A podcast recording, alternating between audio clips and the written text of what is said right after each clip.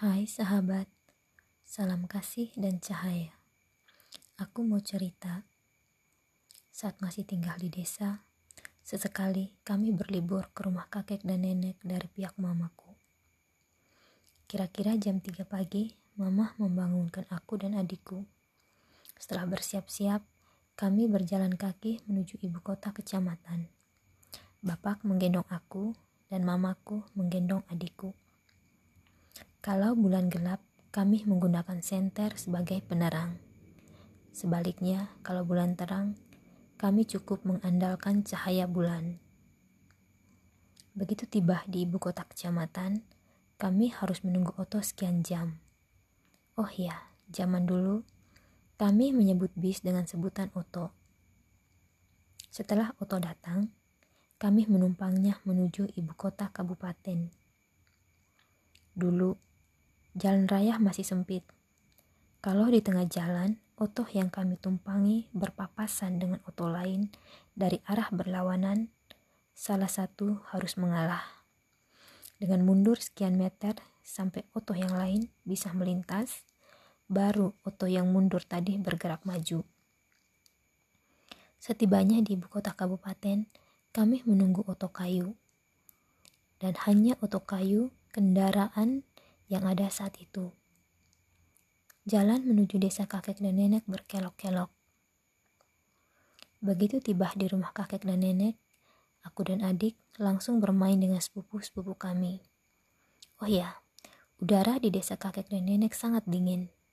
Maka itu, setiap sore sampai malam dan pagi, kami sekeluarga sering duduk di dekat tungku api untuk menghangatkan diri. Selama di rumah kakek dan nenek, aku dan sepupu-sepupuku sering memetik geluk.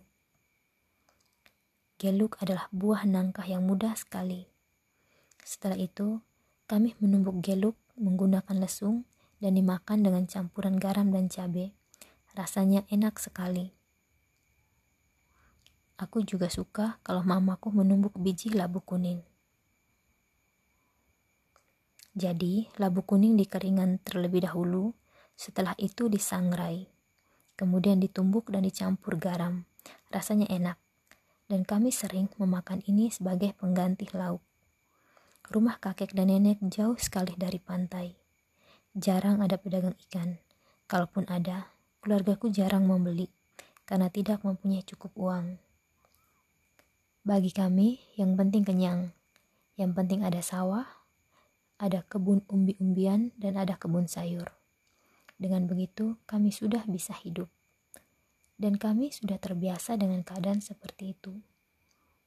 Dan di saat kakek, nenek, om, tante, termasuk kedua orang tuaku ke sawah untuk memanen padi, aku dan adikku ikut serta. Dan kami menjadi perusuh di sawah. Kami berlarian di pematang sawah sampai merusakkan padi-padi yang menjulur keluar. Mamaku berulang kali menegur, tetapi kami tidak peduli. Mama jengkel bukan main, sampai akhirnya mencubit kami. Dan mama menyuruh kami secepatnya pulang ke rumah. Di perjalanan, adikku tiba-tiba berteriak, ada ular. Mendengar itu, aku langsung berbalik arah dan berlari sekencang-kencangnya.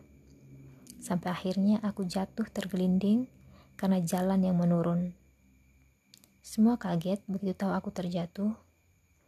Aku meringis kesakitan dan pantatku terluka. Mau tidak mau, mama pulang. Sepanjang perjalanan mama mengomeliku. Sampai aku kesal bukan main. Bibirku manyun, mukaku asam sepanjang perjalanan.